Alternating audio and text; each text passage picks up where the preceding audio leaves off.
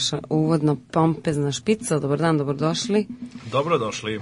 21. po redu u drugom serijalu, a već negde 70 i neka. 74. Sve, sve ukupno. Da, da. Do, dosta ovih posljednjih tri, pa već je tri i po godine, ja mislim, kako Radio Galaksija. Boga mi vreme leti. Vreme leti, ali informacija je sve, o, svakim danom sve više i Tačno. više. Tako da, ove, ovaj, sve teže. I, teže. I sve je teže i, i sve ih je teže iskomunicirati sa javnošću. Jeste. A na samom početku, možda kad smo već kod komunikacije sa javnošću, podataka naučnih istraživanja i tako dalje, sve što je vezano za, za ono što naučnici proizvedu u svojim laboratorijama, svojim kabinetima i ostalim mestima e, u nekoj od prethodnih e, emisija spominjali smo taj jedan kolokvijum i generalno jedan dosta dobar projekat e, Centra za promociju nauke koji je okrenut ka e, profesionalnim novinarima, odnosno novinarima koje se koje za, zanima i koji se bave temama iz nauke i tehnologije. I oni su pre jedno mesec dana organizovali prvi seminar uh, E, koji je bio, ja mislim, 29. marta na Dunavu na istraživačkom brodu Argus, kada se i okupila me ta neka prva ekipa naučnih novinara, a danas je bila druga radionica, odnosno drugi seminar i ovog puta seminar je držao nemački eminentni naučni e, novinar Thomas Vogt, koji je trenutno predsednik, kako se kaže, komunikacija ovaj, ili odeljenje za komunikacije e, Nemačkog matematičkog društva. Tako da su jako mali broj naučnih novinara kojih praktično u Srbiji nema, nekolicina, ne pa bismo sada da... Pojavljuju se da. lagano. Ali nadamo se da će nadamo ovaj se da serijal kol kolokvijuma, odnosno uh, ovih seminara uroditi plodom, da ćemo Srbija dobiti neke kvalitetnije pa ako ništa drugo malo istraniranije, uvežbanije naučne novinare. A ono što takođe je aktuelno, što se tiče Centra za promociju nauke, jeste u toku ovaj, maj mesec matematike, velika manifestacija koja se održava ne samo u Beogradu, već i u nekoliko gradova u Srbiji. I ono što je možda najzanimljivije u Beogradu jeste ta velika matematička izložba koju možete videti u Beogradu galeriji Robne kuće Beogradu, Knez Mihajlove broj 5, gde svakodnevno do, onako dolaze deca, posećuje to. Prošla sam malo pre, videla sam dosta je dosta je gužva tamo. Ili, mislim, ok, izgleda, ne znam, nis, ne znam da li si bio. Ne, nisam još stigao. Ali ima da vremena. Ali ovaj, očekujem da, da uskoro navratimo do tamo, a naravno, mislim, to je... Ima zanimljivih eksponata, definitivno. Interesantan prostor. Jeste, jeste. Nego šta, šta ima novo u svetu nauke? Ovako malo Pa, dobro. globalnije svašta, govoreći. Svašta nešto ima ono što je jedna od interesantnih stvari koje su se dešavalo u prethodnom periodu. Možda zapravo najinteresantnije, ovako kad se pogleda suma sumarom, eh, je vest koja je objavljena pre nekih, recimo, nedelju dana, malo, da, u stvari tačno nedelju dana, a to je da se nastavljaju ozbiljni radovi koji su koji su zapravo počeli još davne 1960. godina, ali zbog razno raznih tehničkih poteškoća mislim su se usporili i još nismo dobili nekako univerzalno rešenje, ali kako stoje stvari izgleda da je rešenje na pomolu, a to je mislim kako e, korišćenjem e, vizualnih implanata vratiti ovaj vid potpuno slepim osobama i u e, znači na u saradnji mislim u jednom projektu koji je bio ovaj, u sa saradnje bolnice Univerziteta u Oxfordu i bolnice King's College u Londonu su mm -hmm. a, dvojica pacijenata koji su bili potpuno slepi jedan jako dugi niz godina su vraćen im je vid delimično, znači delimično vide kao posledica znači, direktnog e, retinalnog implanta koji je povezan sa centrom za vid u kori pa velikog mozga. I ono što je interesantno jeste da, dakle, kako stoje stvari, to je jedna jako stara ideja, opet jer nekakvih suštinskih konceptualnih teškoća i sa tim nije bilo, pošto smo mi u principu te neke najelementarniju e, neurofiziologiju vida relativno odavno razjasnili. E sad, naravno, uvek se postojalo mnogo pitanja, mislim, zove, koje su vezane za konkretne detalje, mislim, zove, to je kako konstruisati, kako povezati, mislim, zove, e, te implant čipove, mislim, zove, i tako dalje. I kako stoje stvari, sad najnovije rešenje koje su koje su primenili, primenio ovaj tim stručnjaka na čelu sa profesorom Robertom McLarenom i Timom Jacksonom je bio u tome da se zapravo e, jedan ultra tanak, a površine 3 kvadratna milimetra e, mikroelektronski čip koji je na sebi imao 1500 Mm, ima 1500 piksela koji su osetljivi na svetlost, naravno, ovaj, koji preuzimaju funkciju čepića i štapića koji se inače nalaze na mrežnjači oka kada ono normalno funkcioniše. Mislim da zapravo zamenjuju mrežnjaču i mm, a, oni se stavljaju hiruškim putem, mislim, neposredno ispod mrežnjače i onda a, e, negde ispod kože, mislim, zove u predelu iza uha, mislim, zove je stavljen, stavljena kontrolna jedinica koja Mm, a zapravo mislim zove koja je povezana sa tim čipom koja očitava i prosleđuje mislim zove signale u centar za vid u kori velikog mozga. A, tako da je znači ova ova stvar je je, kao što rekao, konceptualno bila relativno davno razvijena, ali sad su rešeni mnogi praktični problemi koji su bili praćeni sa tim i kako stoje stvari dvojica pacijenata, Chris James i Robin Miller, koji su a, izgubili vid usred e, bolesti poznate kao, mislim, zove pigmentoza retinitis, a, e, koje je i to pre mnogo godina, kao, kako sad kažu, mislim, zove, eto, ovaj, kada su uključili implant u prvi put, mislim zove, oni su videli svetlosti, boje i tako dalje i kao što sam kažem, mislim zove, ja jedan od dvojice pacijenata, mislim zove, ono, zapažam, razlikujem zakrivljenu i pravu liniju, e, naravno stvari u daljini, mislim zove, su, su mnogo teže za, za, za, za viđenje, tako da, kako sami doktori kažu, to su prvi dani i postepeno se očekuje da zapravo centar za vid u kori velikog mozga bude u stanju da bolje usaglasi signale koji dopiru misli preko implanta, tako da će se postepeno misli vid pacijenata koji su, kao što rekao, bili potpuno slepi na ove preoperacije poboljšavati.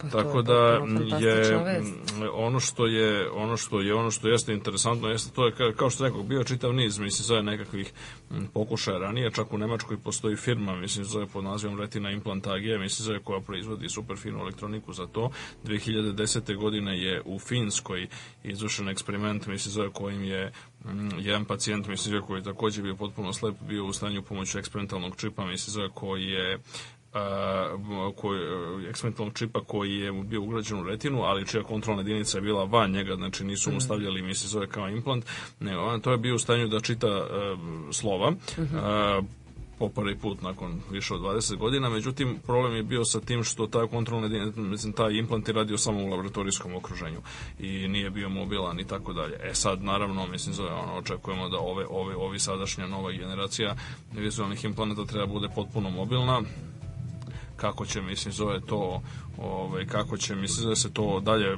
dalje razvijati ostaje da se vidi još uvek je mm, ova vrsta tehnologije ekstremno skupa ali mm, kako sami ovaj ali akteri e, e akteri ove, vesti kažu mislim zove me, tek smo na, na početku puta jasne, inače mislim zove broj ljudi mislim zove kojima bi to pomoglo je jako veliki mislim zove samo u Evropi se meri se mm, se procenjuje mislim zove da ima više od 10 miliona potpuno slepih osoba, tako da mislim u tom smislu je, znači to je više nego, nego cela stanovništvo u Srbije, na primer, tako da je očigledno, mislim zove da bi to bio jako veliki napredak ukoliko bi se, ukoliko Razvila bi se tim, tim stvarima da, da. nastavilo.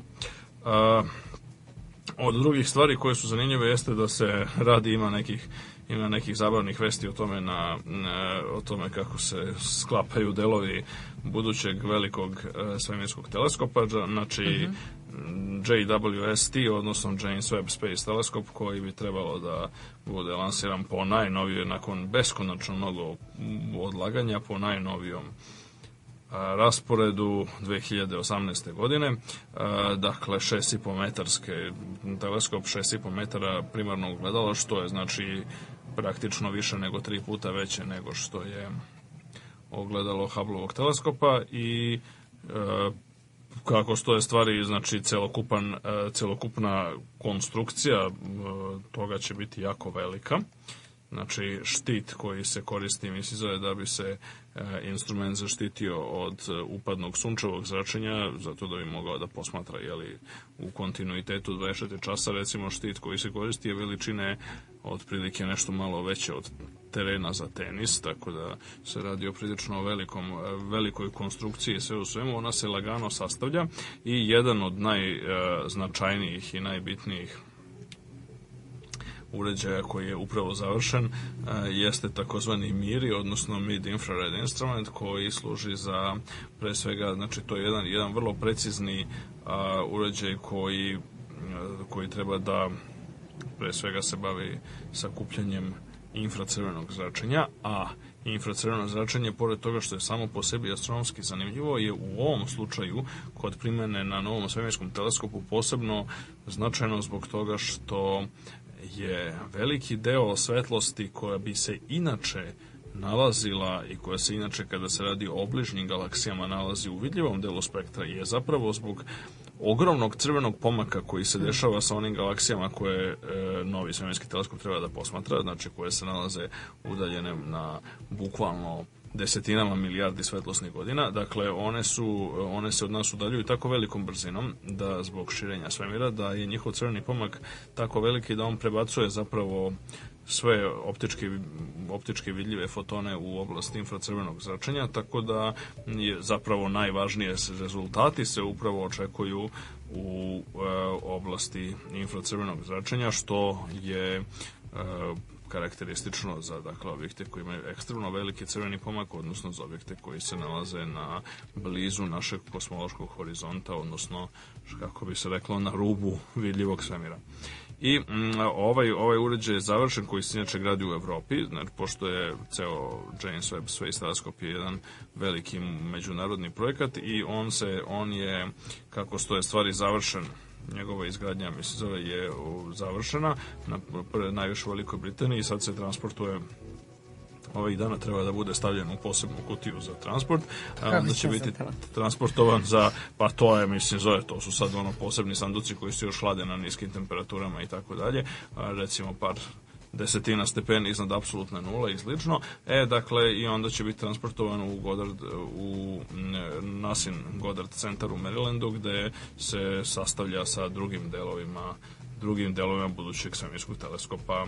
Ono što je naravno pitanje koje ostaje pitanje svih pitanja koje ostaje u s ovima jeste da li će ovaj put mislim zove se e, vremenska skala za e, završetak i uspešno lansiranje teleskopa biti biti za biti realizovana pošto je od kada je počelo, mislim, zove da se priča o tome, to je nekada se ranije zvalo NGST, odnosno New Generation Space Telescope, a, znači ista ova stvar je je počela da se zapravo ajde da kažemo, ne baš konstrukcija, ali ceo projekat je počeo da se realizuje pre čitavih 16 godina, ni manje ni više, tako da, tako da se ispostavlja da je ono mnogo, mnogo puta do sada odlagana odlagan ovaj završetak projekta zbog, mislim, za, jeli, pa šta kažu? Kad ovakvih, onakvih ušteda, šta, manjih budžetskih ulaganja, pričam ti priču, tako da sad, znači, najnoviji imamo 2018. 2018 pa, ove, ovaj, inače, to će biti zaista najskuplji ove, ovaj, astronomski uređaj svih vremena, iako je manji nego što su ovi neki na zemlji, ali činjenica, mislim, zove da će se nalaziti ovaj, u orbiti oko zemlje će ukazuje da, mislim, on će imati mnogo bolje performanse nego čak jasne, i veći, veći uređaji koji se nalaze na zemlji, a procenjuje se kako sada stvari stoje, kako sada stvari stoje, procenjuje se da ukupna, ukupna vrednost ovaj, James Webb Space teleskopa će biti oko nešto malo manje od 9 milijardi dolara, odnosno 8 milijardi i 800 miliona, što je prilično solidno, mislim zove, i u principu kako stoje stvari nadmašiće ovaj, nadmašiće hadronski kolajder u CERNu, mislim mm -hmm. je po ceni, tako da ostaje naravno da se vidi da li će, da, da li će ovaj uspešno i funkcionisati te mm, to znači još nekoliko godina još nekih boga mi šest godina ima da sačekamo u najboljem tako da, slučaju, da tako da ko ko doživi pričaće kao što je odavno rečeno. E, kad smo već kod raznih nebeskih tela, mislim, zove svi smo svedoci toga da je mesec veoma sjajan. Da, da, da, I da, da. naravno to je pokrenulo razne, razne da, stvari, što ozbiljne, što neozbiljne, mislim među neozbiljnima su ove razne astrološke gluposti koje imamo prilike, mislim, za stalno da čitamo, a inače, zašto je, zašto je to tako? Pa mesec je zaista nekih 14% ovaj, veći i nekih 30% sjajniji nego kada se nalazi, na primjer, na najudaljenijem delu svoje putanje. On je trenutno udaljen od nas oko 356.000 km, što je očigledno znatno manje nego što je njegova prosečna udaljenost od nekih 384.000 km. Sad, mislim, zove razlika a, u relativnom iznosu nije tako velika, zato što i mesečeva putanja kao i putanje drugih većih tela u sunčanom sistemu su skoro pa kružne, nisu skroz kružne, nego su ono eliptične, ali sa jako malom ekcentričnošću te elipse, tako da liče na krug, ali o, ovaj, u, u nekakvom apsolutnom iznosu i sa ovako stanovišta koje prime, udaljenosti kojima ljudi obično barataju, ta razlika od nekih dobrih 20 8000 km nije, nije tako mala, a ispostavlja se da je, dakle sad baš imamo prilike da znači, mesec prolazi kroz nešto što bi se moglo nazvati perihel ili kako god, perihel se obično koristi kada je nešto najbliže suncu, pošto mislim zove perihel, odnosno taj heli i helios, a periastron kada su u pitanju zvezde, a kad je u pitanju zemlja, nemam pojma šta bi to bilo, perigej, da, tačno, mislim zove, e, ovo ovaj, tačno, perigej. perigej, mislim zove bi bio to, znači to je naj,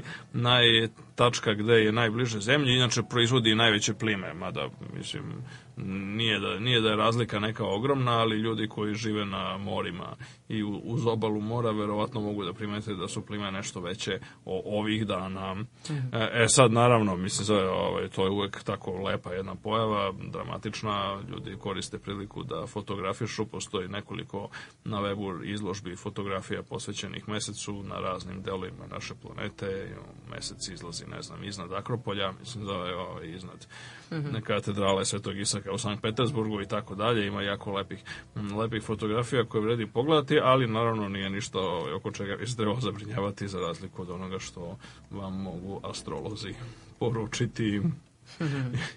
I, i ovaj, dakle, e, još jedna interesantna stvar kad smo već kod, ovaj, e, kod, kod nebeskih tela i uopšte astronautike i space science i tako dalje, a to je da kako što je stvari 2015. godine, evo sad je najavljeno pre nekih bukvalno 24 sata i malo manje, je najavljeno da će, da, da kako stoje stvari, jedan industrijska, jedna, jedan konzorcijum koji se bavi E, svemirskom tehnologijom, odnosno idejom o tome kako da se pitanjima šta, bi, šta je ono što bi trebalo da predstavlja novu generaciju uređaja za lansiranje pa sad satelita, sondi, čega god, šta god želite, e, je e, objavio koncept koji se zove Liberty Rocket, koji bi trebalo da kako stoje stvari, jer to je jedna vrlo interesantna vrsta rakete koja je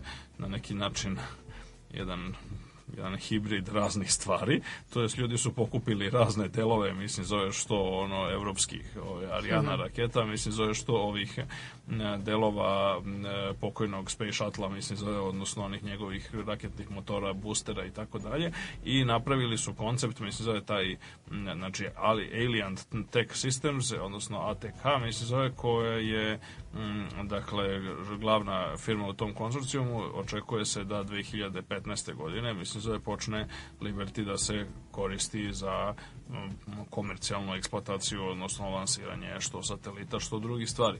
Najvažnija stvar, naravno, mislim zove u celom ovom, e, u celoj ovom konceptu jeste ideja dakle da kako će da se snabdeva međunarodna svemirska stanica i druge stvari koje se trenutno nalaze u orbiti, a koje su kojima je potrebno pa relativno stalno ili relativno, relativno često snabdevanje, popravljanje i tako dalje.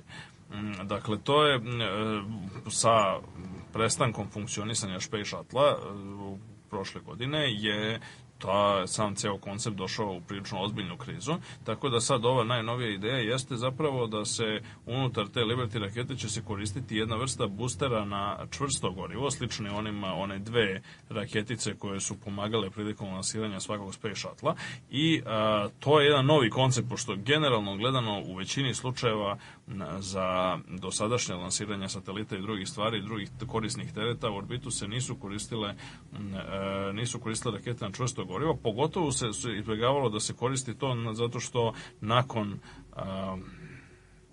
jeli, neseće šatla e, Challenger, koji je 1986. godine eksplodirao upravo zbog problema sa boosterom na čvrsto gorivo. A, I čvrsto gorivo jeste znatno jeftinije, mislim, zove, nego što, nego što je standardna, standardni raketni motori sa, sa tečnim gorivom. Ali problem jeste u tome da je i mnogo teže manipulisati i mm. generalno se smatra mnogo riskantnim.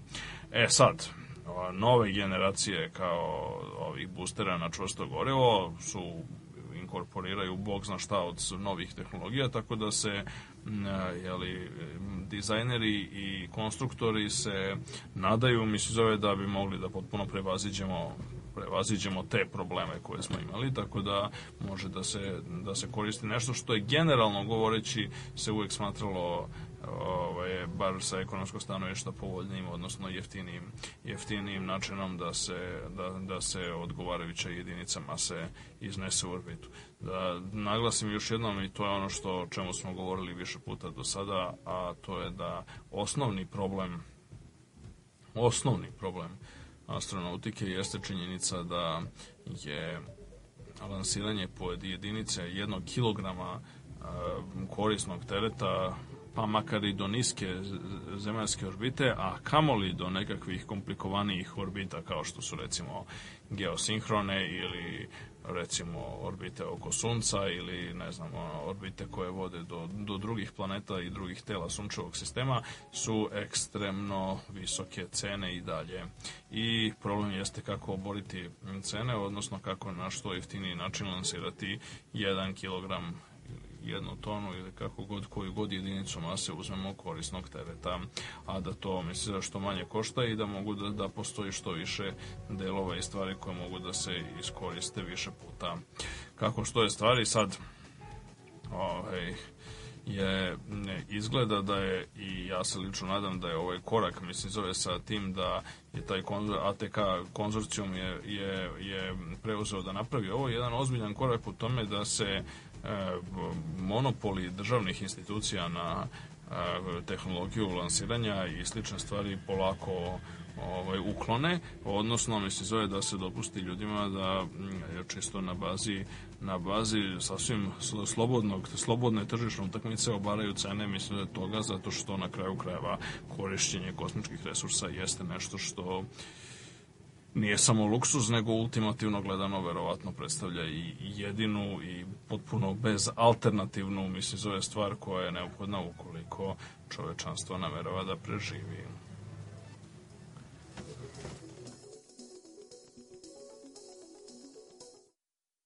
thank you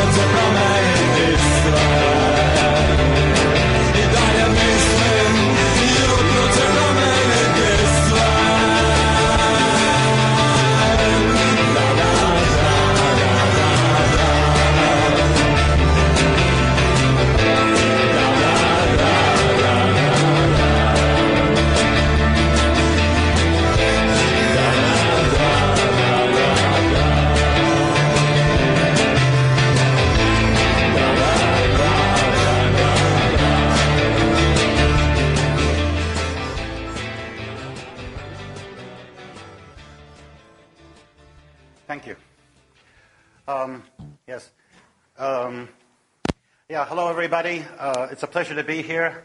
I haven't been in Jerusalem in 30 years. Uh, uh, it's uh, changed quite a bit. Jerusalem and Israel have changed quite a bit in 30 years. It's quite amazing. And when I was here in Jerusalem the last time 30 years ago, I stayed in the Belgian house. I actually lived in the Belgian house. So uh, it's uh, delightful to be here again. Um, we have, we're having a meeting on complexity, and it's a very broad meeting on complexity. And um, uh, broad enough that they've even asked me to come here and give a talk. So, my subject is uh, most of you are concerned with uh, physics, economics, biology, you know, more practical kinds of complexity. I'd like to talk about uh, conceptual complexity, complexity of ideas. And the main application uh, of these concepts uh, is actually in metamathematics. It's in talking about incompleteness and the limits of the limits or possibilities of, of pure thought, of pure reasoning.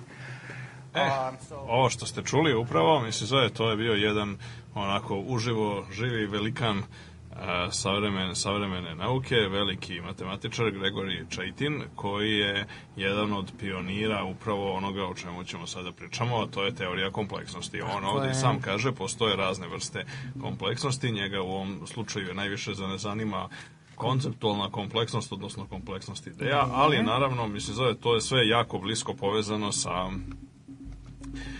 naj različitijim oblicima kompleksnosti na koje nalazimo u svakodnevnom životu. I naravno, mislim, zove sa jednom od teorija o, kome, o čemu ćemo govoriti vrlo ukratko danas, pošto mm -hmm. je mhm. to ogromna tema zaista, jedan od načina da se kompleksnost izrazi na nekakav merljiv način jeste takozvana algoritamska teorija informacija mhm. koju je Čajtin jedan od otaca zajedno sa još drugim Kolmogorovom, Solomonovom i drugim. Dakle, e, ono što ono što je zajedničko, mislim, za svima njima, jeste da one počinju od najizgled vrlo jednostavnih filozofskih pitanja i zato Čajetina upravo na ovom predavanju koje možete da vidite, mislim zove, on ima nekoliko, nekoliko web strana na kojima je jednu u Novu Zelandu, jednu na univerzitetu u Mainu, jednu u Virginiji, ako se ne varam, dakle, e, na kojima imate gomilu njegovih ovaj, njegovih predavanja, a boga mi mi se zove ne samo to, nego kako on sam kaže tamo, ovaj, možda niko nije primetio da, kaže, nada se da njegov izdavači neće primetiti, mislim zove da je stavio i cele tekstove sobstvenih knjiga, mislim zove na, ovaj, na web i tako da, dalje, da, da, tako da je čovjek neobično, neobično onako Barešnje. Da simpatičan, zabavan i interesantan, a, između ostalog tamo možete da pročitate na e, tim njegovim sajtima koji su e, nepotpuni, e, nepotpuna ogledala jedan drugoga, možete pročitati sjajan sjajn, sjajnu njegovu diskusiju koju je imao sa Marinom Abramović, ili našom poznatom umetnicom, o, baš upravo o različitim, e, hajde da kažemo, teorijskim, e, matematičkim i filozofskim e, osnovama na koji način mi percipiramo različita umetnička dela, odnosno na koji način nam se upravo kompleksnost sveta reflektuje u različitim ovaj, umetničkim delima, bila to ono vizualna umetnost, performans ili bilo šta drugo. Dakle, ono što A, ono što je, od, od čega je e, i Čejtina, boga mi i njegovi prethodnici tamo negde od Leibnica nadalje, mm -hmm. e, otpočeli jeste samo pitanje o, zapravo kako mi razlikujemo neke stvari koje vidimo u naokolo, mislim zove na osnovu ideje o tome da su neke stvari jednostavne, a druge, a druge malo komplikovanije. E, dakle, uzmemo bilo šta što vidimo oko nas, evo recimo ovaj sto i na primer, eto ajde ne uzmemo, mislim, to sad odmah preveliki zalogaj, ali uzmemo recimo ovaj sto i evo vidimo, na primer, kroz prozor vidimo neki golub leti. Mm -hmm. E sad, a, znači, sasvim je očigledno intuitivno da je golub mnogo služeniji od stola. Ali, kako ćemo tu našu intuiciju da pretvorimo, mislim, u nešto konkretno? Koliko puta za hm. koliko, misli zove, i uopšte na koji način bismo mogli da izmerimo tako nešto.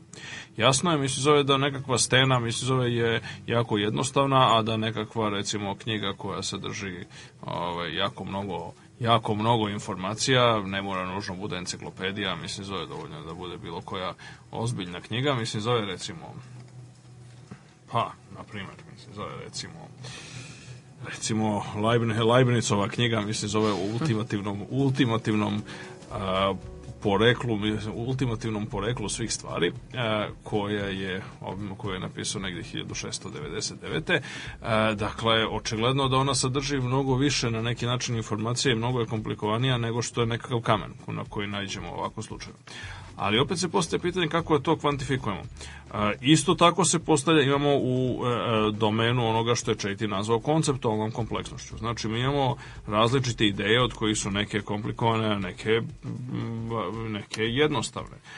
Pa, ako imamo nekakvu komplikovanu matematičku jednačinu, onda ona sadrži jako mnogo simbola i samim tim nama intuitivno jasno mi se zove da je celokupna, e, celokupnost te jednačine e, svakako mnogo složenija nego što je svaki od tih simbola pojedinačno. E, isto tako mi se zove, neki će reći, mi se zove, eto, imali šta prostije, na primjer, od celog pozitivnog broja, prirodnog broja 1 ili 2. Sad kad uporedimo broj 1 ili 2 sa brojem pi, recimo čije su prve decimale 3,141592,6 i onda još beskonačno mnogo drugih neperiodičnih decimalnih cifara, Dakle, očigledno nam je da je broj pi, mislim zove, izgleda da je mnogo složeniji nego što je recimo broj 2. Mm. Ali opet, na koji način ćemo to da objasnimo? Nekakva jako komplikovana, mislim, zove vizualna struktura, mislim, zove recimo Mona Lisa, je očigledno mnogo složenija, mislim, zove nego što je recimo, ne znam, kad ja uzmem i nacrtam čiča glišu, mislim, zove, ili tako nešto ali opet, mislim, na koji način i u kojoj meri, mislim, ne možemo se time baviti naučno dok ne nađemo odgovarajuću, kako bi naučnici rekli, metriku, mislim, zove kojom ćemo biti u stanju da izmerimo te različite oblike kompleksnosti. I to je bio jako veliki problem, dugo vremena. Dakle, ljudi su vekovima razmišljali o tome ono, otprilike od predsokratovskih filozofa i, i, i poznih antičkih filozofa kao što je Epikur koji je nešto pisao o tome, pa mislim zove preko ovih svih renesansnih i postrenesansnih filozofa, posebno Leibniz je dosta pisao o tome i Čejtinov kasni rad se dosta oslanja na Leibnica, a ono što naravno u 20. veku se već pojavila potreba iz razno raznih smerova, a po najviše zahvaljujući rađanju onoga što će kasnije dobiti ime computer science, odnosno računarske nauke, fizike, a što potiče iz rada Alana Turinga iz 1936. o kome smo već govorili u ranijim radiogalaksijama a se pojava pokazala potreba da mi krajnje konkretno pristupimo pitanju, mi se zove kako da izmerimo složenost nečega. Na kraju krajeva, ako se mi bavimo računarstvom, onda a, e, to samo znači da mi koristimo računar da bismo rešavali neke probleme. Sad, to, uslov, to, to se odnosi zaista na sve primjene računara, pošto na neki način, mislim, zove čak i one primene koje nam se ne čine, mislim, zove kao rešavanje problema, su zapravo E, zapravo odraz toga, mislim, zove što je programer, mislim, morao neko, neko drugi, a ne mi, mislim, zove morao da reši gomilu problema. Kad mi hoćemo da igramo nekakvu igricu, mislim, zove ko, onda je jasno da, recimo, na primer, igre koje kao, na primer, ne znam, Crisis ili tako neke sofisticirane igre koje imaju, kako se to lepo kaže, realističnu fiziku, to znači ako uzmete predmet i bacite ga, on ono se kreće po nekoj trajektoriji koja je u skladu sa zakonima prirode i padne, mislim, na zemlju. ako ono ispalite granatu, onda imate trzaj koji odgovara zakon Newtonom zakonu akcije, reakcije i tako dalje. E, o, to je već, tu već imamo a, pitanje koje je se postavilo pred programera, mislim zove kada je krenuo, mislim zove pred dizajnera igre i pred programera, to je pitanje na koji način mislim zove da onu složenost ponašanja materijalnih objekata koju vidi u spoljnom svetu, mislim zove prenese u virtuelni softverski svet. I to je užasno težak problem generalno sad. Neki su ga ranije, ranije se to Ooh. neko naivnije doba računarstva recimo tokom 90-ih se to obično nije ni radilo, mislim zove tako da onda smo imali one razne naivne igrice u kojima nije bilo te ono složene složene simulacije realnog sveta, a danas mislim zove je sa napretkom računara i tako dalje to doseglo veoma veoma veoma veoma visok nivo složenosti i sofisticiranosti, šta se zapravo promenilo i na koji način mislim zove smo mi sad razlikujemo ta dva slučaja. Da. Pa upravo to, na koji način mi razlikujemo ta dva dva slučaja. E, tu se, tu se pojavljuje velika praktična motivacija za to, jer na kraju krajeva ako imamo dva problema, problem A i problem B koji treba da rešimo, onda svakako vrlo korisno znati, mislim, zove koji su e, prvo, da li su oni rešivi, a drugo, ako su i rešivi, mislim, zove koji od njih je teži, a koji je lakši za rešavanje. Na kraju krajeva tako su i postupamo, ljudi izlaze tamo na ispite, mislim, zove polože ispite, pa onda im svako kaže uvek, mislim, zove radite prvo one stvari koje znate kako se rade, mislim, mhm. zove, ovaj, to jest one koje su lakše. Ali kako ja ja znam, mislim, znaš, šta je lakše? To je sve vrlo, vrlo netrivialno pitanje i zapravo diskusija o tome u nekom modernom smislu reči počinje od a, pitanja kako mi uopšte opisujemo i na neki način kako reprezentujemo, bilo na papiru, bilo ovaj, u nekakvom konceptualnom prostoru, bilo na kraju krajeva u našem nervnom sistemu i u našem psihološkom ustrojstvu kako mi reprezentujemo stvari e, iz realnog sveta koje se odlikuju različitom složenošću i različitom kompleksnošću. I jedna od epizoda prvih koja je jako interesantna, koja je upravo inspirisala e, tvorce teorija kompleksnosti, a, jeste a, takozvani barrier paradoks. E, barrier paradoks je jedan zabavan paradoks koji dobije ime, mislim, zove po e, izvesnom gospodinu Beriju, koji je bio ni manje ni više nego sasvim slučajno i potpuno nehotice, mislim, zove postao tako reći kum i otac paradoksa, pošto zapravo pravi paradoks je, e, te, je smislio Bertrand Russell, ali pošto je on diskutovao ove, ovaj, sa Berijem, dok je Beri radio kao bibliotekar, mi se zove, u čuvenoj Bodleian Library, mi se zove Bodleiani, je li, velikoj univerzitetskoj biblioteci Oksfordskog univerziteta, neki kažu najvećoj univerzitetskoj biblioteci na svetu, jedno od najvećih na svetu, u svakom slučaju, mislim, zove najstarijoj koja i dalje funkcioniše i, i koja ima verovatno najveći broj nekakvih starih antičkih knjiga. A LM Berry je radio, mislim, zove kao nekakav i to relativno sitan mlađi bibliotekarski pomoćnik u Bodleian Library kada je tamo prolazio i naišao Bertrand Russell i onda je on sa njim mm.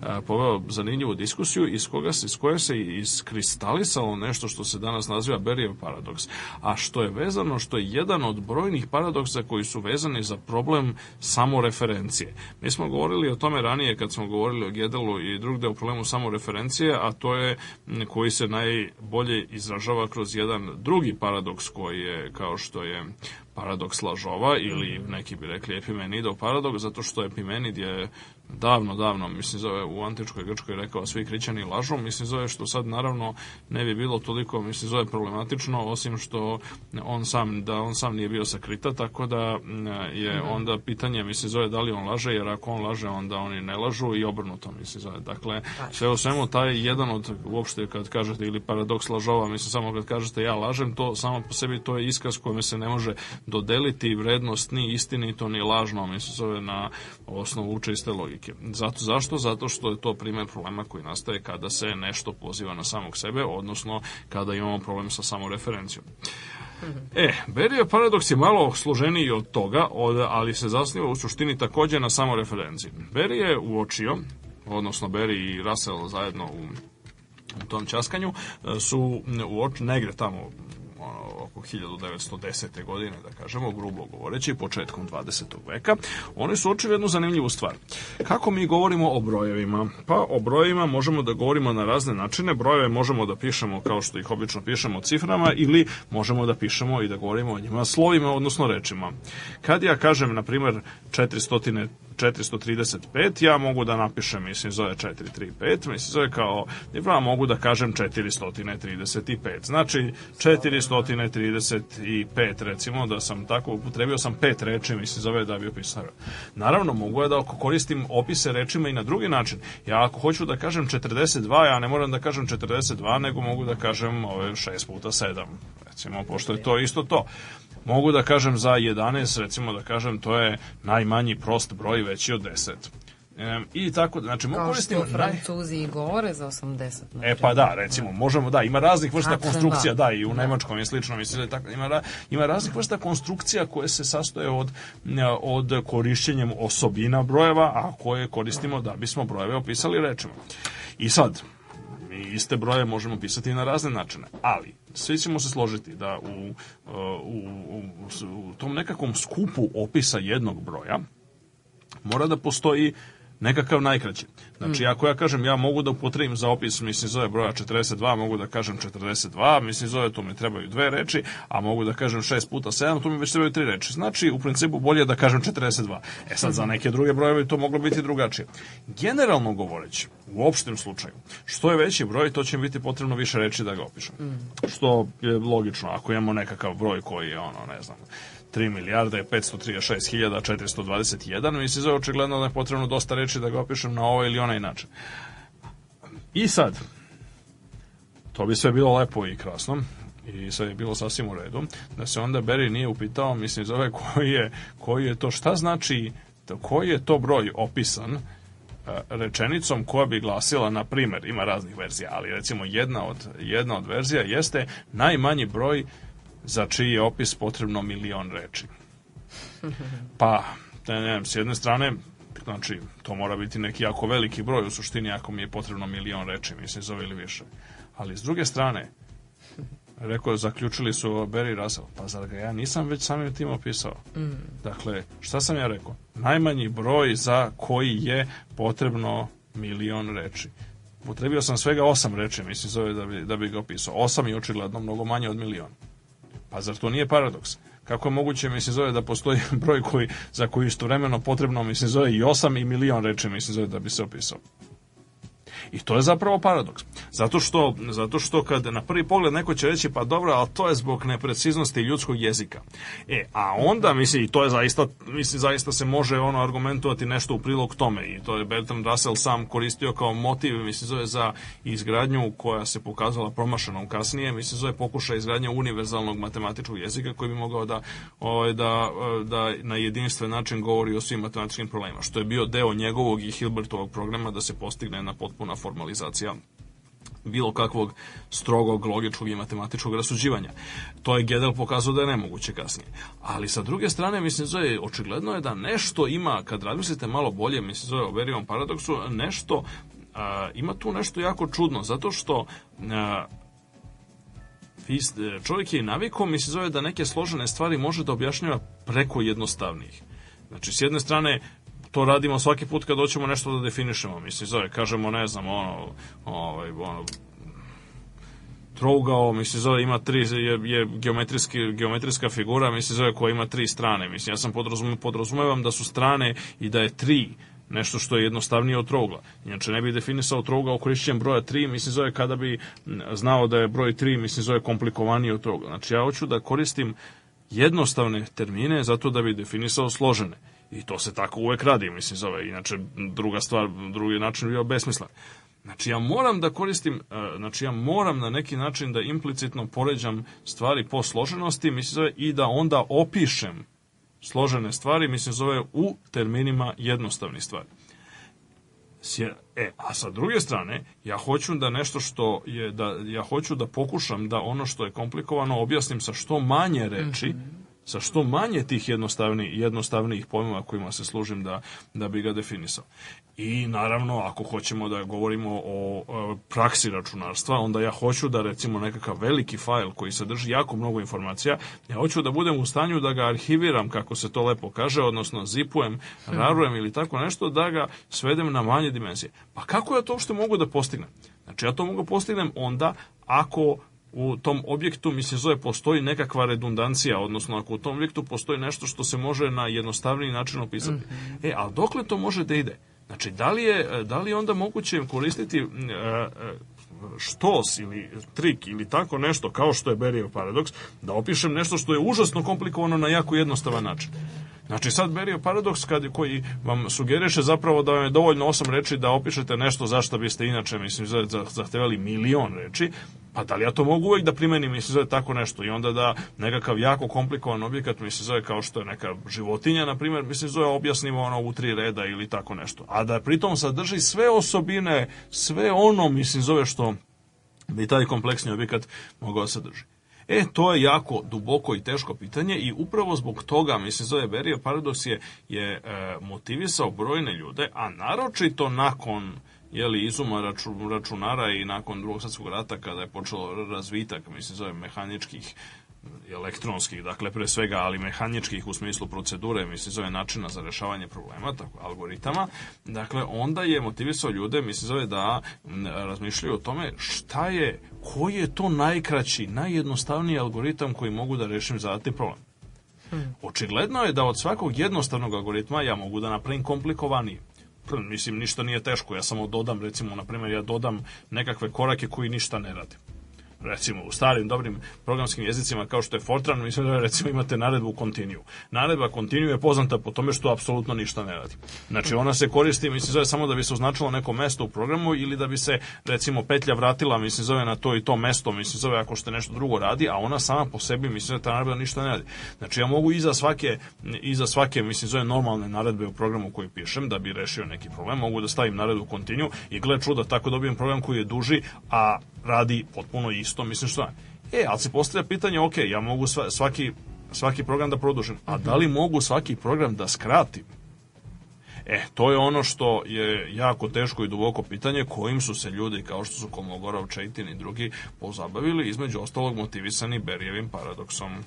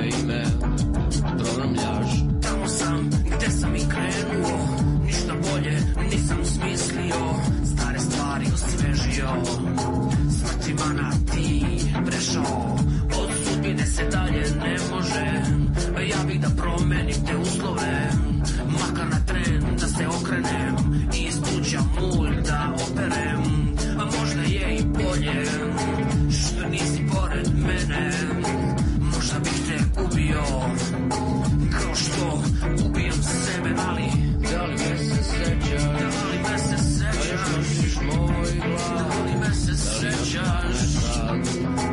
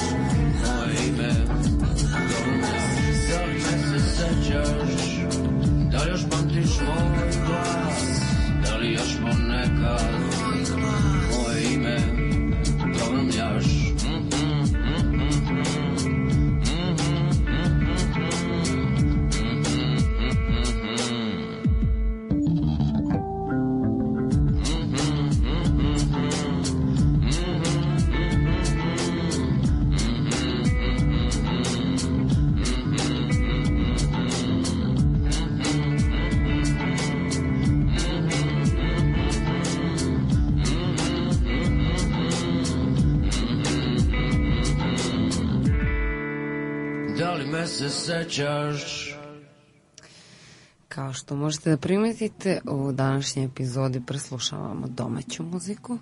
Da, da. A ovo je bio Goribor. A o, e, na samom početku emisije čuli ste Pionir 10, novosadski bend. A mi nastavljamo sa kompleksnošću. Da, da. I...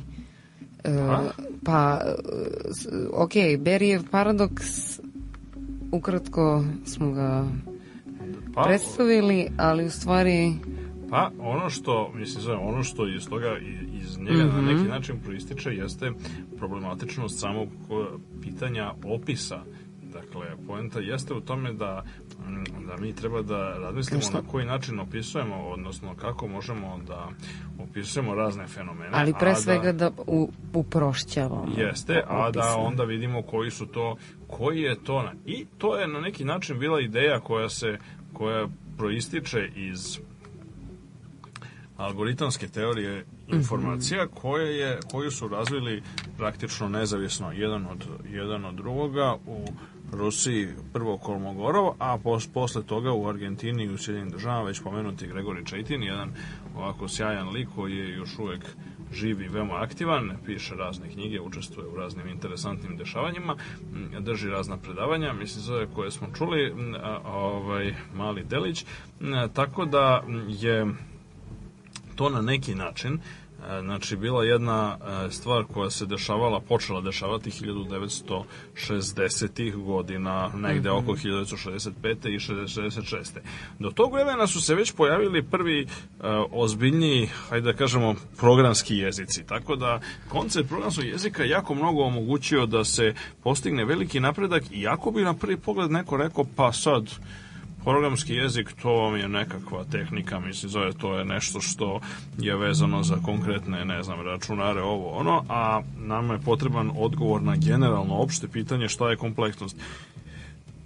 I tu zapravo leži do nekle koren jedne velike revolucije koja se mm, dešava i mm. dan danas u našem razumevanju stvari, a to je mm, ideja da zapravo čak i u potpuno abstraktnim stvarima, kao što je abstraktna matematika, nama mi možemo da vršimo eksperimente i možemo da vršimo mislim praktične stvari i to je recimo upravo Gregori Čeitin jedan od velikih zagovornika e, te ideje da zapravo mi možemo i suštinski potpuno abstraktne teorijske probleme da rešamo tako što ćemo na računaru da izvodimo razne eksperimente. E, kako bi otprilike to mislim se moglo da izgleda? Pa, ideja suštinska koja proističe i e, koja je u, u temeljima uh, algoritamske teorije informacija kao jedne od, ne jedine naravno, ali jedne od i možda najkorisnije i najšire prihvaćene, mislim, zove teorije kompleksnosti, jeste sledeća ideja.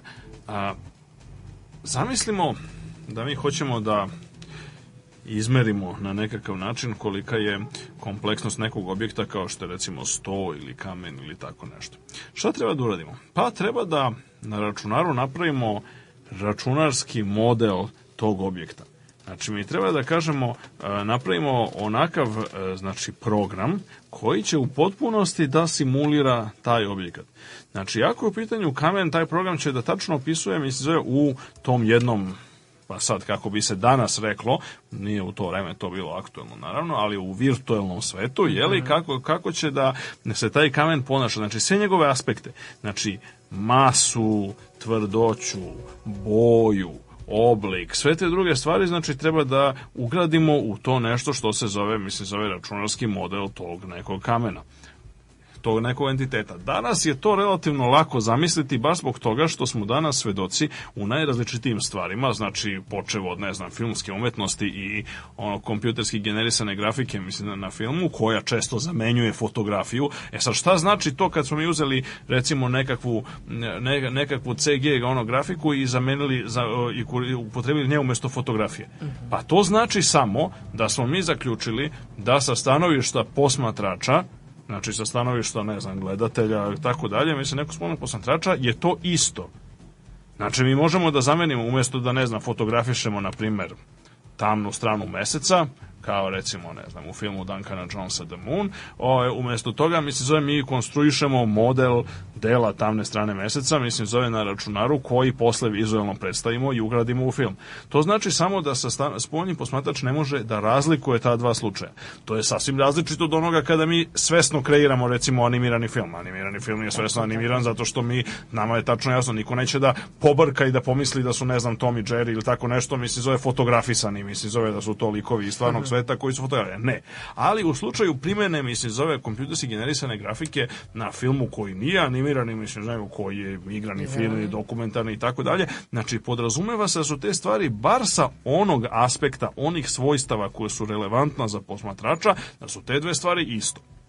E, mogli bismo otići korak dalje. Sad, odlazak korak dalje je, recimo, odlazak u virtualni svet kakav postoji u nekakvim komplek, kompleksnim računarskim igrama. Evo, recimo, pomenuo sam Crysis, na primjer, to je jedna jako razvijena, grafički jako i, e, i fizički jako razvijena, mislim, se zove igra, u tom smislu reči da se objekti u njoj ponašaju u skladu sa zakonima prirode. Vi šutnete nešto, mislim, zove ono odleti, a vaša, mislim, zove ono noga oseti silu nazad, mislim, zove ili vas zaboli noga ili tako nešto. Znači, ono što, znači, imate tačno a, jedno iskustvo iskustvo fizičkog sveta, ne samo sa stanovišta izgleda, da to liči, mislim, zove na ono vizualno, nego i stanovišta drugih stvari, mislim, mase, tvrdoće, ne možete da prođete kroz drvo, ne možete da prođete kroz zid i tako dalje. Znači imate, e, zamislimo sad, sad neko će reći, ok, ali to je zbog toga što je konačna rezolucija igrice koja je prilagođena, ne znam, rezoluciji monitora, mislim, zove koji ljudi, pa sad kad bismo mi hteli još bliže da priđemo i da vidimo, onda bismo videli pojedinačne piksele i više to ne bilo to. Ok, to je tačno. Ali, Sad zamislite vi sledeću stvar. Nama tu dolazi u pomoć fizika koja kaže da je zapravo svet na nekakvom niskom nivou diskretan.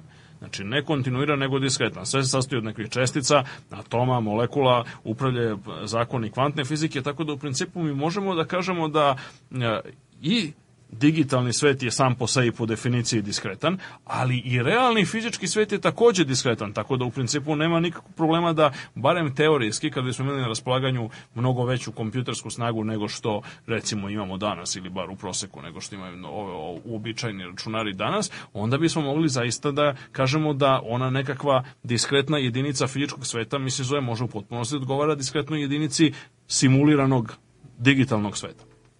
Tako da bismo mogli da postignemo teorijski barem podjednaku dubinu, kako se to obično kaže, simulacije, ne, ne, ne, kada, kada je u pitanju, mislim, zove ili posmatranje objekta, mislim, zove tog nekog kamena, recimo u realnom svetu, koje ćemo pogledamo kroz mikroskop, e, a zamislimo da u virtualnom svetu, u nekom second life-u ili tako nešto, mi isto imamo mikroskop, hoćemo pogledamo simulirani kamen i gle čuda vidimo isto, odnosno mhm. vidimo iste te nivoje strukture. Ok, da bismo to uradili, da bismo napravili vernu simulaciju kamena, potrebno je znači da napišemo neki program. E sad, tu se sad, sad tu stvari, mislim, zove pomalo postaju onako složenije, zato što program može da se piše na različite načine. I program možemo, pa sam počeo od toga, mislim, zove što program u suštini možemo da pišemo na različitim programskim jezicima. E sad, setimo se koncepta Turingove mašine. Turingova mašina je idealizovana, idealizovani računar koji naravno ne može se napraviti takav kakav jeste, u najmanju ruku zato što u originalnoj Turingovoj verziji zahteva beskonačno dugačku traku, što naravno ne možemo da imamo. Svaka, svaka traka na koju, sa, koje se, sa koje se nešto učitava ili na koju se nešto upisuje konačne dužine. Ali svejedno, Turingova mašina je dovoljno dobar model za rešavanje problema preko algoritama, odnosno Turingova mašina na neki način predstavlja ekvivalent, nekakav e, grubo govoreći, metaforički, metaforički prikaz bilo kog konkretnog programskog jezika. Zato što, e, setimo se šta radi Turingova mašina. Ona može da čita sa trake, da onda u zavisnosti od toga šta pročita, mislim zove, menja svoja unutrašnja stanja i kada jednom promeni svoje unutrašnje stanje, ako u tom unutrašnjem stanju ima instrukciju, da ne kažem potrebu, mislim da nešto napiše, onda ona upiše nešto na traci. I a, e, poenta jeste upravo u tome. Znači, a, e, za, da li će, kakva će biti broj, kvalitet i vrsta njenih unutrašnjih stanja, to je vam je u principu isto kao pitanje, mislim, zove da li ćete da pišete, mislim, zove neki program, mislim, zove u Fortranu, u Basicu, C++, Cobolu, Lispu ili bilo komu drugom od računarskih jezika koji su razvijeni, mislim, zove u poslednjih recimo četiri decenije, možda malo jače.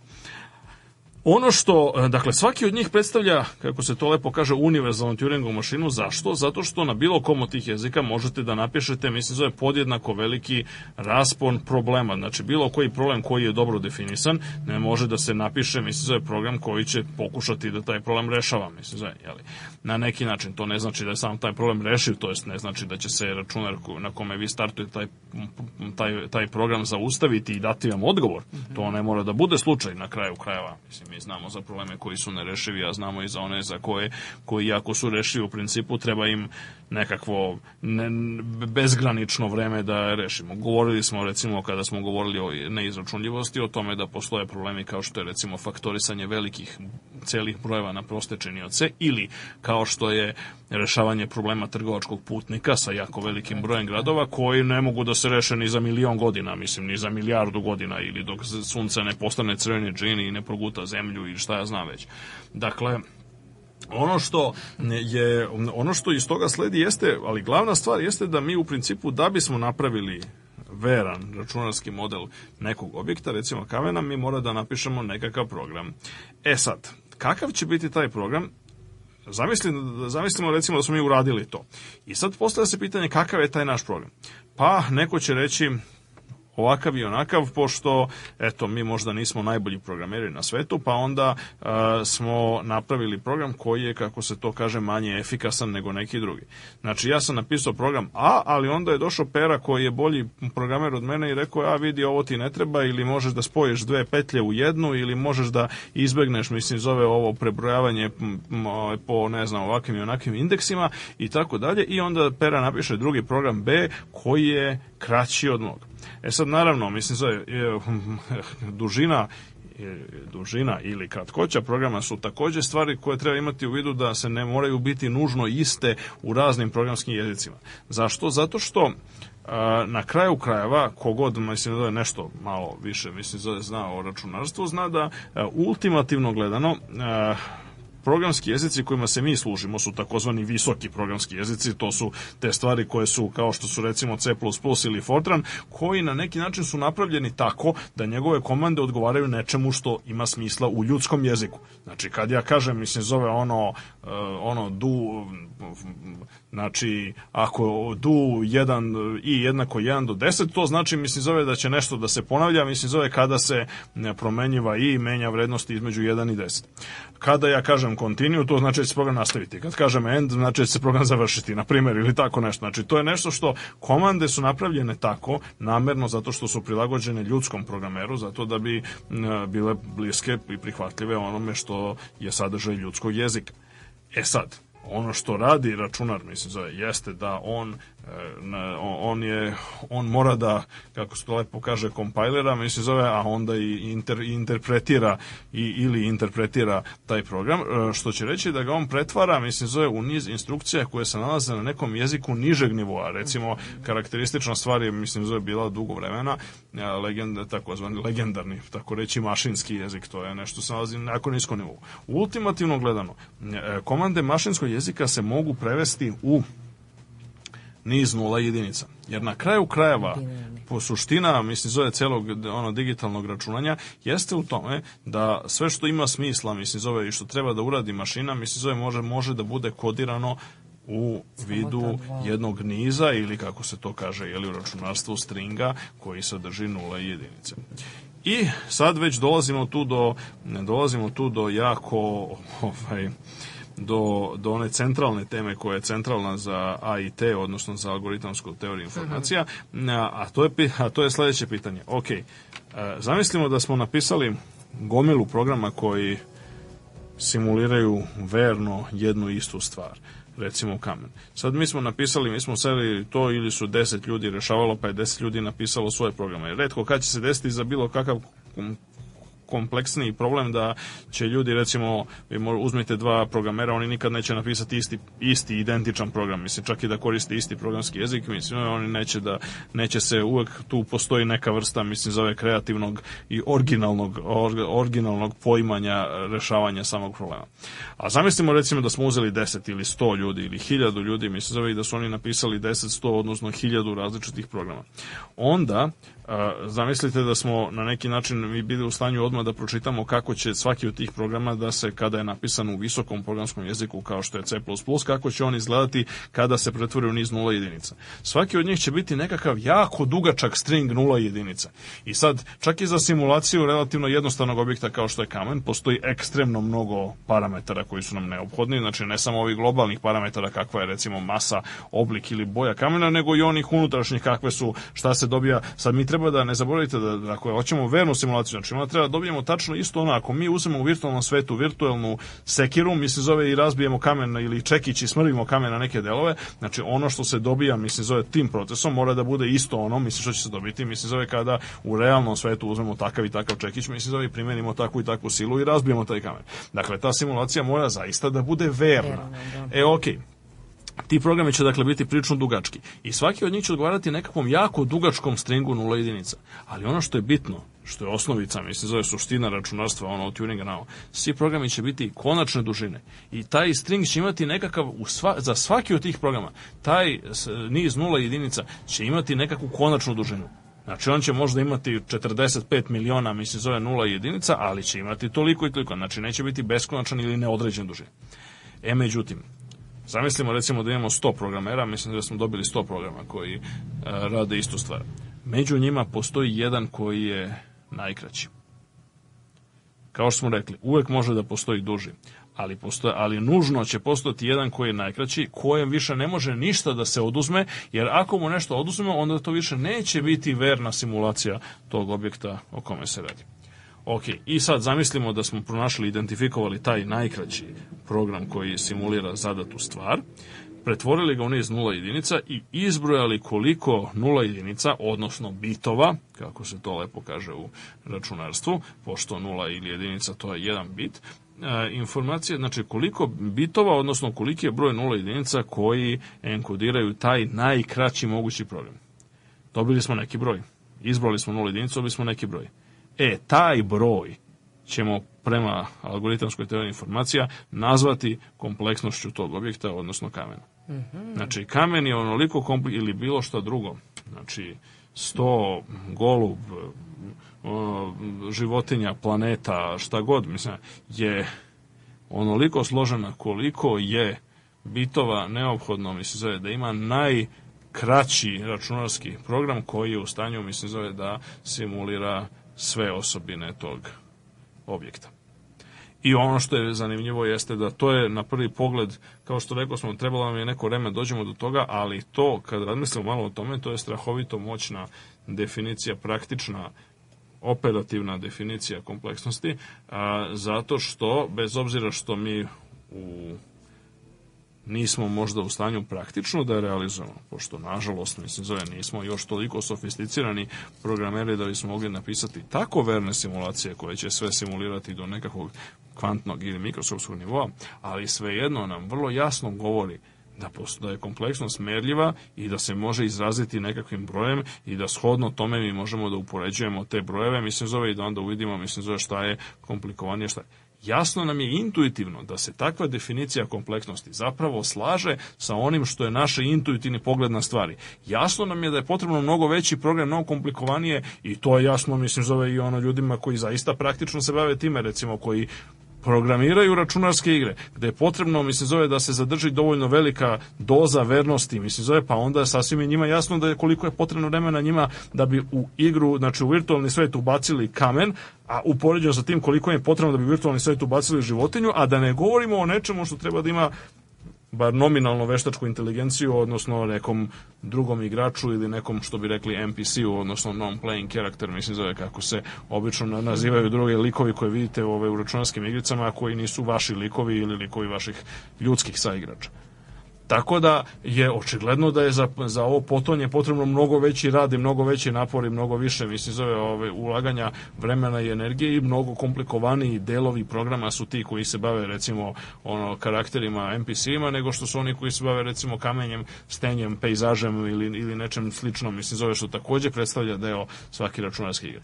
Tako da je očigledno da nama ono što nam daje algoritamska teorija informacija, dakle ova Teorija koja predstavlja kompleksnost u vidu dužine stringa, nula jedinica koji je neophodan za vernu simulaciju tog objekta. Znači, očigledno da se to slaže sa onime što mi intuitivno doživljamo kao složenost nekog objekta.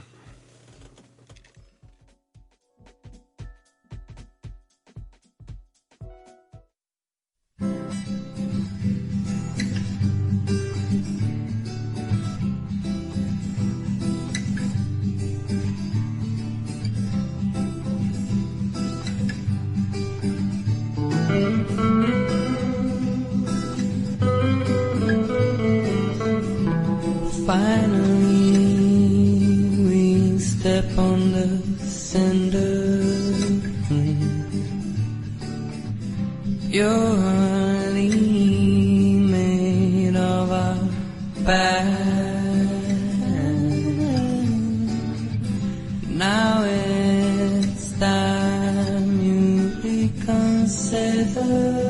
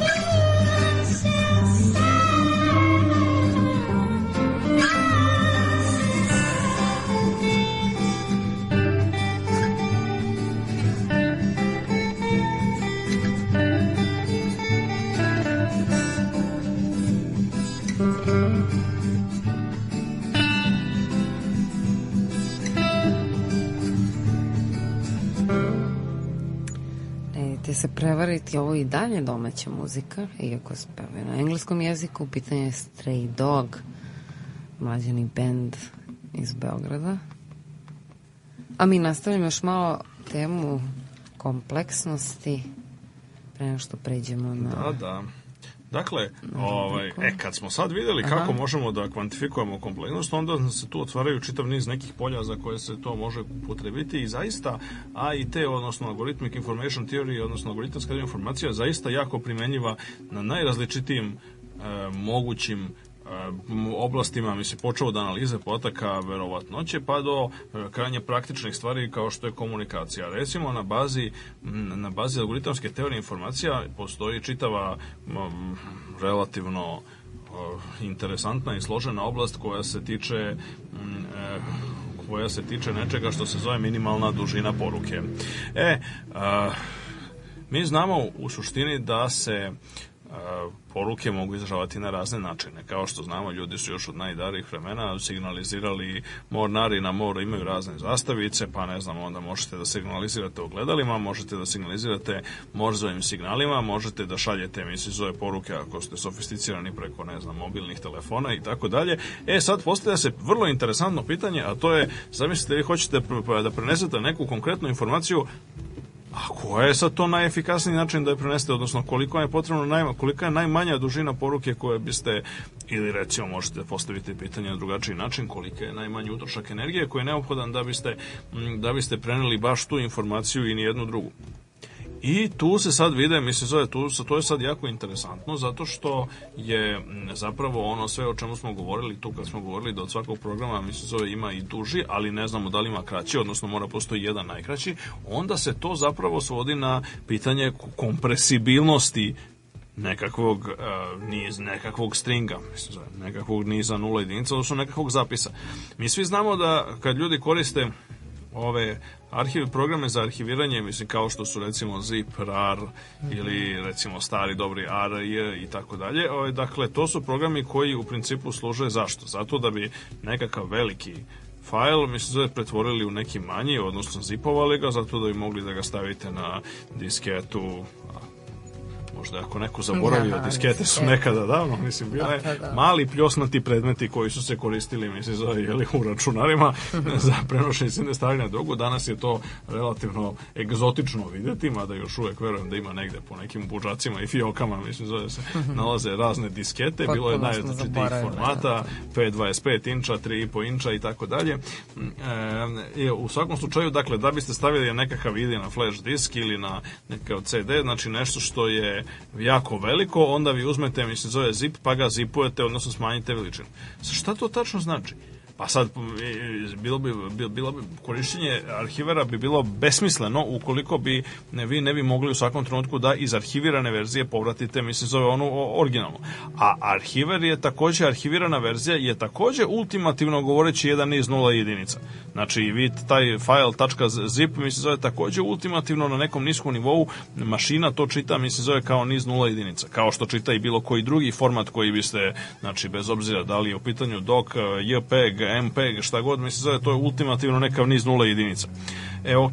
A, znači, vi iz a, zipovanog fajla možete povratiti originalni fajl. Šta to znači? Pa to samo znači da originalni fajl nije bio najoptimalniji mogući. To znači da u originalnom fajlu je bilo dovoljno nekakvih nula jedinica koje su se ponavljale ili koje su bile na predvidljivom mestu. Mhm. To je sad jako bitan, bitan detalj koji nas pokazuje kako je algoritamska teorija informacije povezana zapravo recimo i sa metodologijom i filozofijom nauke. Znači, postavlja se pitanje šta je predvidljivo, a šta ne. Znači, u smislu ako imate neki deo fajla mislim, koji može da se dekonstruiše iz drugih delova fajla, onda je on znači, predvidljivo, onda vam on ne treba striktno govoreći mislim, zove, u najminimalnijem zapisu, nego možete da ga rekonstruišete iz drugih delova fajla.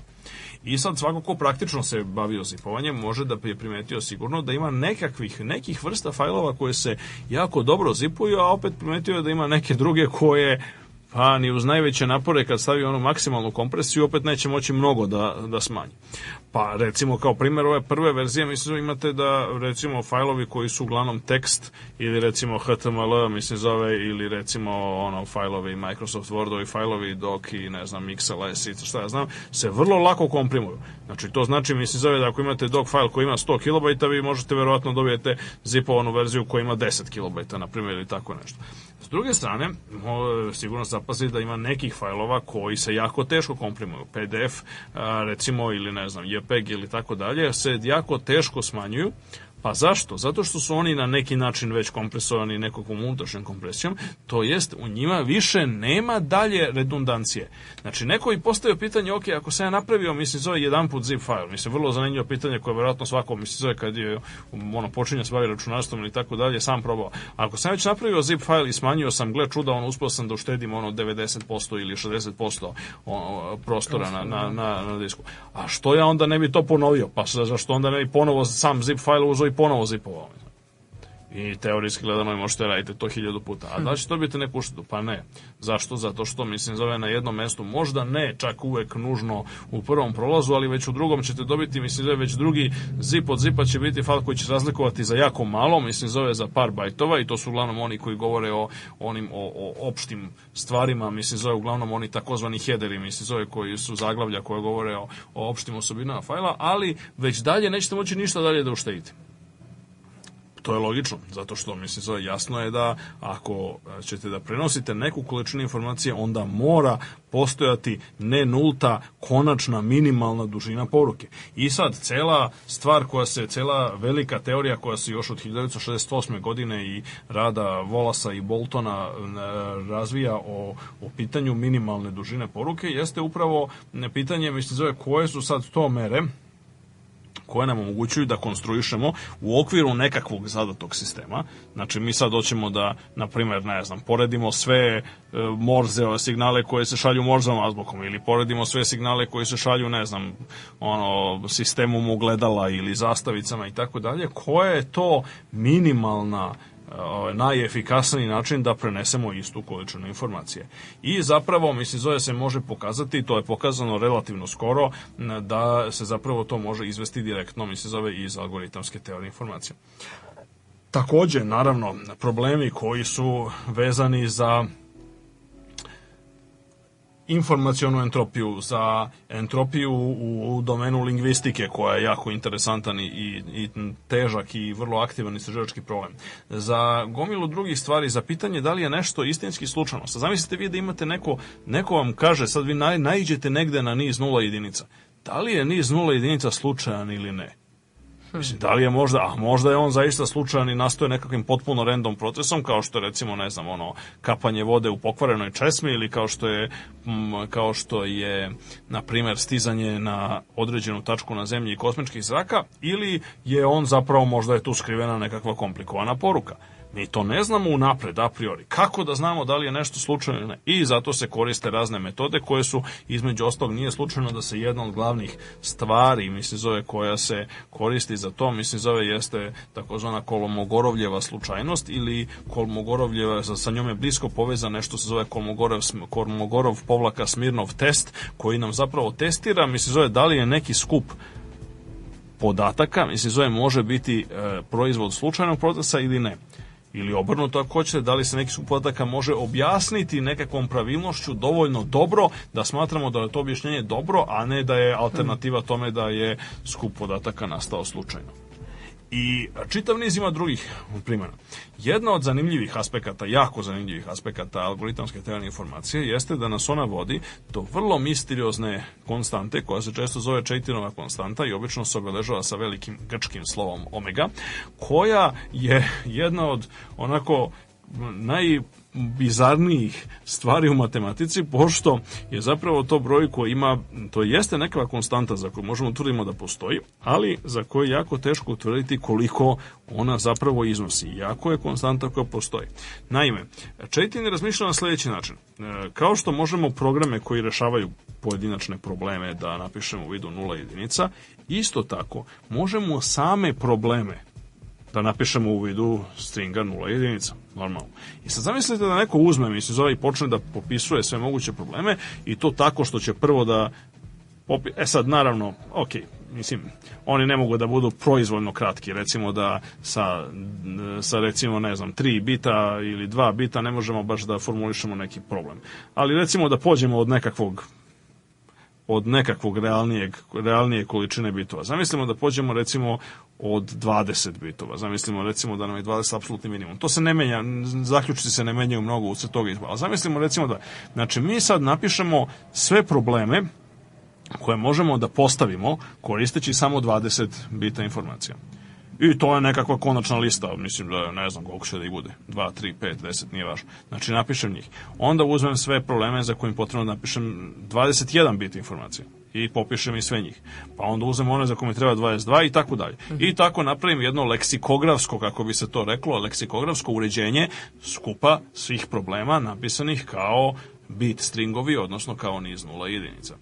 E, kad sam to uradio, ja sam njih poređao tako da, na primjer, ono, uvek gledam uvek preferiram da mi je na prvo mestu, ne znam, na primjer nula, pa onda mislim gledam sve sa kojima date dužine koji je na prvom mestu nula, pa onda gledam ako ne, kad ne, onda gledam šta je na drugom mestu i tako dalje, znači baš leksikografski, kako se uređuju leksikografske stvari, pa zato što gledamo prvo reči, prvo kako se reči poređaju po prvom slovu, ako imaju isto prvo slovo kako se ređaju po drugom slovu, ako imaju isto prva dva slova kako se ređaju po trećem i tako dalje, to je, zato se to i zove leksikografsko uređenje. E, isto tako, leksikografski uredim skup problema. I onda postavim jedno vrlo interesantno pitanje. Imam leksikografsko uređen problema, imam svoj programski jezik, odnosno univerzalnu Turingovu mašinu koja te probleme treba da rešava. Kolika je verovatnoća da slučajno izabrani problem, znači koji sam lupio, mislim zove ono randomly, mislim da je tog, bude rešiv pomoću tog programskog, pomoću te univerzalne Turingove mašine. Pa, neko će reći, ok, ne znam kolika je verovatnoća, to je nešto između nula i jedinica. Ono što je, kao i sve verovatnoće, naravno, ono što je Četin pokazao jeste da taj broj koji je on nazvao omega, to je nekakva verovatnoća, znači nula jedinica, da u odgovarajućem leksikografski uređenom skupu problema neki proizvodno izabrani bude rešen. Taj broj je konstanta I to je zaista univerzalna matematička konstanta za svaku zadatu univerzalnu Turingovu mašinu. Svaka Turingova mašina ima jednu vrednost omega. I ta vrednost omega je jako moćna stvar. Sad, kad bi ja znao tačno kolika je vrednost omega, onda bi tačno znao, mislim, zove da kažem, tačno bi mogao da idući po, po redosledu, redom po problema, tačno bi mogao da kažem koji su problemi rešivi i koji nisu. E, ali ima jedan problem. Problem je ovaj, da ja zapravo ne mogu da znam koliko je tačno omega. I to je jedna od najbizarnijih osobina, pošto Čajtin je pokazao da to, iako jeste konstanta, mi ne možemo da znamo u opštem slučaju koliko ona iznosi. A Zašto? Zato što da bismo to znali, mislim da je bilo i potrebno da uradimo beskonačno mnogo operacija. Hmm. Jer za nju ne važe oni principi konvergencije koji važe za druge matematičke konstante čije vrednosti znamo. Kad mi kažemo da je broj pi počinje ciframa 3,1 41592265. Šta to tačno znači? Pa to znači da su ljudi vršili nekakav veliki broj operacija, recimo koristili su nekakav red koji konvergira ka broju pi i onda su u principu rekli ok, ja sam sabrao mislim zove ne znam koliko činioca i oni su mi dali prve četiri cifre broja pi. Ja sad znam na osnovu nekakvih dubokih i ozbiljnih teorema o konvergenciji da će bez obzira koliko dalje saberem činioca, te prve četiri cifre će ostati uvek iste. I to je razlog zašto mi znamo kako izgleda početak inače beskonačnog razvoja broja pi. Niko ne zna kakav je ceo razvoj broja pi, ali mi znamo potpuno pouzdano kakav je njegov početak. Zašto? Zato što postoje teorema o konvergenciji koja nam, koja nam kaže, mislim, zove kako da a, počev od nekog člana, mislim, zove u beskonačnom redu, više ništa neće da promeni prvih n cifara broja pi. E, a za broj omega ne postoje takva, takva teorema. Drugim rečima, mi možemo da saberemo jako veliki broj nekakvih članova koje nam ultimativno u beskonačnom nizu daju omega i da kažemo, ok, e, omega počinje sa 0,1523. E, ali, mi ne možemo da budemo sigurni da će neki tamo milijardu i prvi član mhm. da promeni, mislim, zove te naše prve. Znači, on može da se, znači, on može uvijek da se promeni. Bez obzira, mi možemo da ga računamo beskonačno dugo i on uvek može da se promeni čak i ona prva cifra, mislim zove iza decimalnog zareza ili decimalne tačke, znači ona prva cifra može da se promeni zato što tamo nekakav udaljeni sabirak koji ne možemo da vidimo pošto je milijardu članova udaljen od nas, ovaj može da promeni mislim zove taj tu tu prvu cifru. I to je ono što je zapanjujuće. I sad sa druge strane Četin je rekao, mislim u svojoj knjizi koju je napisao pod nazivom Omega, ima samo naziv, naslov Omega, mislim zove samo grčki broj, je on lepo tamo ističe da zapravo to i dobro. Jer kada smo mi tačno znali, mislim, šta je Omega, onda bi nestalo, ovaj, nestalo bi uzbuđenja i, i interesovanja, to jest programi, e, problemi bi postali očekivani. Mislim, mi bismo tačno znali, mislim, zove šta ima smisla rešavati, šta ne i tako dalje. Ovako, kao što on sam kaže, Omega, zahvaljujući svojoj tajanst, tajanstvenosti, mhm. upravo, mislim, obezbeđuje da buduće generacije e, programera, matematičara, primenjenih matematičara, filozofa, mislim, imaju šta da radi.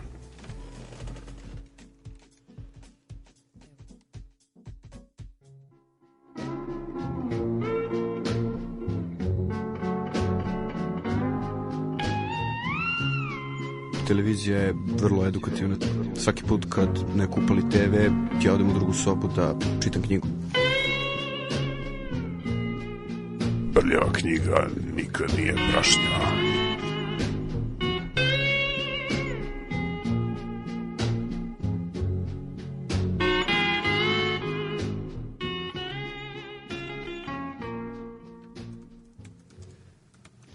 I sada je potpuno jasno da smo stigli do rubrike Jedan pisac jedna knjiga, a danas unutrašnja strana postmodernizma, dosta ovo obećavajući zvuči naslov. E, da. Jasmine Ahmetagić. E, da. Ovo je jedna jako interesantna knjiga, ovaj, u najmanju ruku interesantna i po tome što...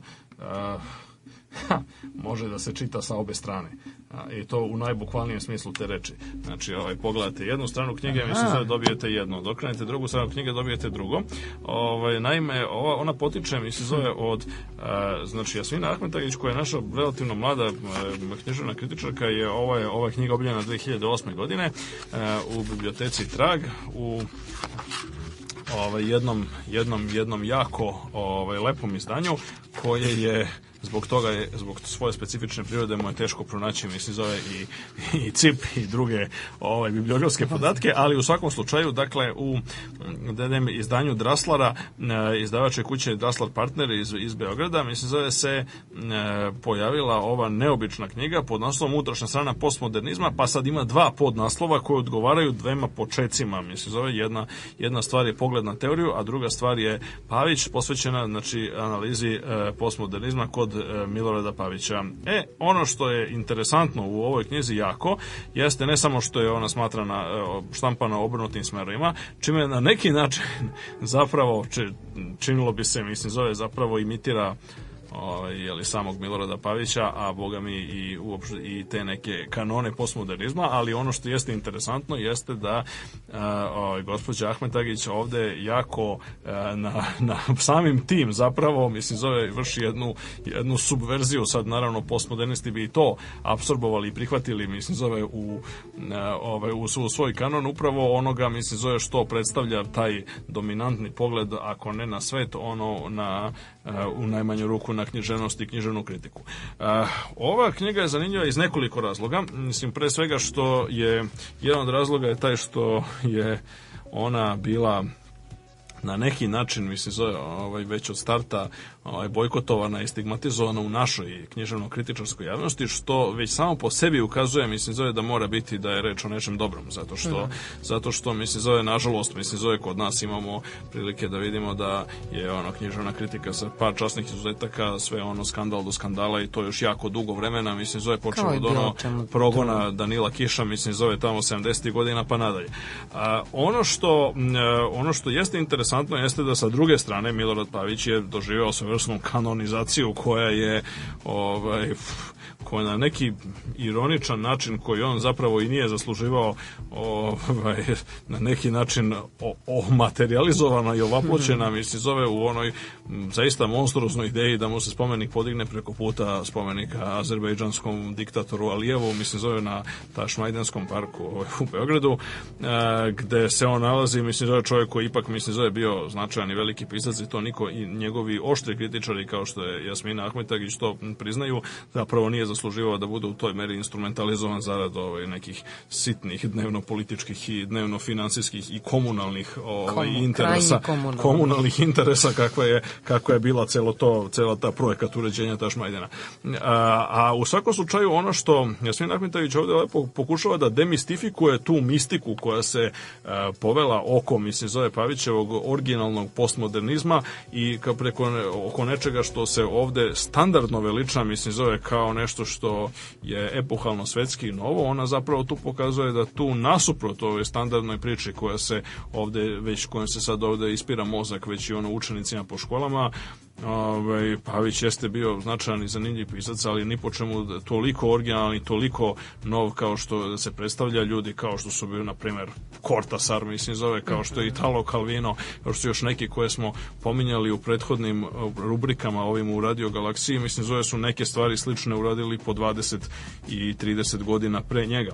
A, to je jedna stvar. Druga stvar, naravno, nas kreće pažnja na činjenicu da je Pavićev opus ovde naravno bio zloupotrebljen u dnevno politički političke, mislim, zove i nacionalističke svrhe, se zove čemu, nažalost, imamo prilike i dan danas, ne možemo da, ne može se od toga emancipovati prosto, a treći i možda najzanimljiviji deo, mislim, zove narativa u ovoj knjizi, koja jako dobro predstavlja kritiku postmodernizma kao floskule mm -hmm. i mhm. kao nečega, mislim, zove što je postalo, mislim, zove dogma po koji se sad svi mogući ravnaju.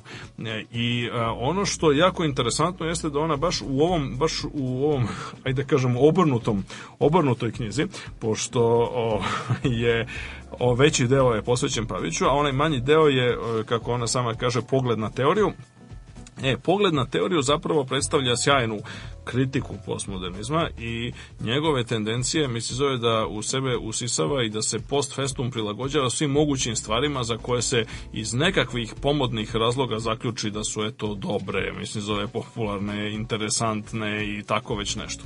Tako da ja svesno, bez obzira što ovo relativno, ovaj, kažem, jako zanimljiva knjiga u najmanju ruku počeva od svog grafičkog dizajna, a nažalost zahvaljujući zbog malog, vrlo malog tiraža od 500 primjeraka se možda može, a možda iako je skoro skoro izašlo se možda može, a možda se i ne može naći, mislim, zove po beogradskim knjižama, ali onoga koga zanima zaista, mislim, zove ozbiljna i vrlo radikalna, vrlo radikalna književna kritika ovaj, svakako preporučam. Za sam kraj jedan tipičan odlomak iz pogleda na teoriju.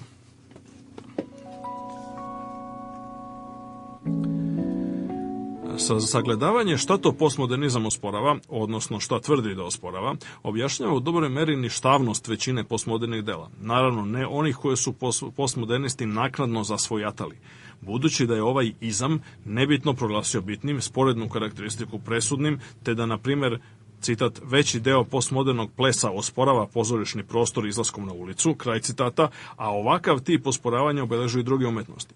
Suštinsko pitanje vezano za ples, odvijao se on u pozorištu ili na ulici, a jednako je i u književnosti, potiskuje se u stranu sve dok ne postane izlišno. Tako postmodernizam, promišljujući, opisujući i diveći se otporima i novinama ovoga tipa, zapravo usmerava umetnike svog doba da ponegde e, neguju karakteristike koje pobuđuju pažnju. I pošto je kao u svim vremenima mnogo zvanih, malo izabranih, umetnik uči od svog doba umesto da bude obrnuto i sagledava mu svoje delo. Postmodernizam tako dobija novu, svežu krv. I pošto je postmodernizam budući neodređen, zasvojatao ni iz dela i autora prosto zato što mu se to sviđa, a njegovi apostoli radili na specifikaciji samog pojma, dobili smo i specifične odlike postmodernizma, istina skrivene, zabašurane onima koje stavljene u prvi plan, kako bi se učinila manje vidljivom činjenica da je postmodernizam jedna u suštini politikanska i ideološka tvorevina. Dragi slušalci, 21. epizoda Radio Galaksije upravo se završava, a vi ako imate bilo kakve predloge, komentare, sugestije, pišite i pratite nas na Twitteru ili Facebook grupi Radio Arhiva Radio Galaksije. Pišite na radiogalaksije.gmail.com Do sledećeg četvrtka. Do slušanja. Dođenje, prijetno.